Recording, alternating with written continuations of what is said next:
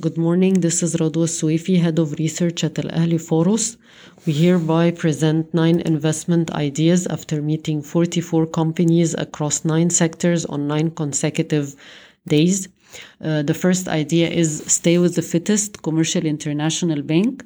Uh, 2022 for banks uh, will be a year when many uh, banks, especially the smaller ones, uh, will raise the capital to meet the 5 billion regu regulatory requirement by the central bank capture the best exposure for the banking sector in a year when inflation is a key theme without taking uh, any risks. Commercial International Bank will deliver profits north of 15.5 billion pre-appropriations, trading at a PE of 6.6 times and price to book of 1.2 times. The bank intends to di distribute catch-up dividends of 5 to 6 billion pending regulatory approvals with a dividend yield of 5.5%. In addition to that, expansion plans into into Africa and digital banking are on the table to utilize excess capital. The second idea is ambition and diversity win. And here we're talking about EK Holding and CIRA. EK Holding provides the best exposure to many themes, urea prices, higher natural gas uh, penetration in households, import substitution, ex- high exports, low financial services penetration within insurance and non-banking financial services, long US dollar position, high dividend yield on the US dollar, and ambitious expansion plans that keep adding value, diversity, and new dimensions for growth. The company will deliver 200 to 220 million uh, dollars in profits in 2022 and will distribute 7 cents per share, a dividend yield of 5% on the dollar. The second example here is CIRA. Uh, CIRA is building capacities in 2022 in preparation for a massive leap in financial profit by 2023. The company is creating a shift in the revenue mix to higher education and tech education, which will bode well for margins. The third idea is it's time to shift from Fawry to e-finance on one side and on the other side EFG Hermes and GB uh, Capital through uh, the stock of GB Auto. Fawry is shifting from uh, ADP uh, to um, uh, banking agent services, and uh, the big picture is management intends to be sort of a bank for the unbanked by offering saving products and expanding into financing products. The good news is that the company has the ecosystem and infrastructure to succeed. But the bad news is that the valuation is rich uh, for a bank or a non-banking financial uh, institution. Uh, is trading at 11.7 times price to book for 2022 versus the peer group average of 6.7 times and 73.7 times PE versus uh, a peer group average of 53 times. Fawry's digital uh, transformation uh, utilized uh, capital in such services is 1.2 billion and according to our estimates the non-banking financial services utilized capital will be around 1.2 billion post the announced capital increase if we uh, value uh, the capital utilized in uh, uh in financial penetration and, and, and, digital transformation services it, uh, at seven times uh, price to book and the NBFI segment at five times price to book, this yields a valuation of 15 to 19 billion over 22 23 um, uh, and the stock is already there, uh, value is realized, and if we divide the valuation by the new number of shares post capital increase, the value shall be diluted. Uh, exposure to the non-banking financial services theme and digital banking theme are also available in the market at much cheaper price to book and PE multiples through EFG Hermes, price to book 0.8 times, PE 8.5 times, GB Capital through the stock of GB Auto 0.9 times price to book, 4 times PE, CICH 1 times price to book, 6.8 times PE, and all three of them do have a first mover advantage within non banking financial services. We realized that Fawry uh, is doing it in a more digitized manner, but EFG Hermes, through its recently acquired commercial bank and its NBFI platform, can achieve compar- comparable results. Um, and the NBFI platform can achieve uh, high uh, growth potential through cross selling between the commercial bank and uh, the financial uh, services, despite the difference in the detailed mechanism between the two companies. Let us add to that the lingering concern about Fawry's MSCI exclusion in May 2022 and the inclusion of uh, EFG Hermes. If we are talking about uh, digitization, then the real exposure here is e-finance, which captures which captures the potential of digitizing the entire citizen services infrastructure in Egypt through some key contracts with the government. Also, uh, eFinance has plans to establish a digital bank and is trading at uh, lower multiples 6.2 times price to book and 40.5 times PE for 2022. And that's why uh, we think that it's time to shift from Fawry to uh, e-finance on one side and uh, EFG and GB Capital on the other. The fourth idea is buy one, get two.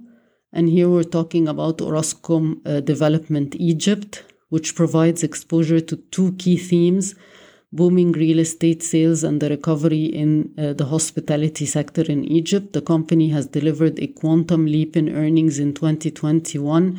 It should deliver uh, around 1.5 billion in net profit in 2021 and growth is expected to continue in 2022. The stock offers solid sales exposure to improved tourism and a diversified revenue mix sizable recurring income, unique product offering, solid development track record, shortest installation schedule, and highest selling price among uh, sector coverage.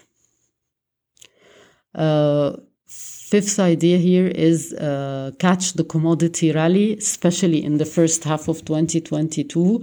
And I think the perfect example here is Abu Qir fertilizers. Urea prices have rallied year on year around 2.3 times, and this will reflect on the results uh, of uh, urea producers over first half of 2022 or the second half of fiscal year 21-22. Uh, Abu Qir is the perfect example here. Like we noted, we expect earnings to double uh, year on year, supported by the fact that the fiscal year actually ends in June 2022. Uh, the stock also offers a high dividend yield of 12% and solid expansion plans.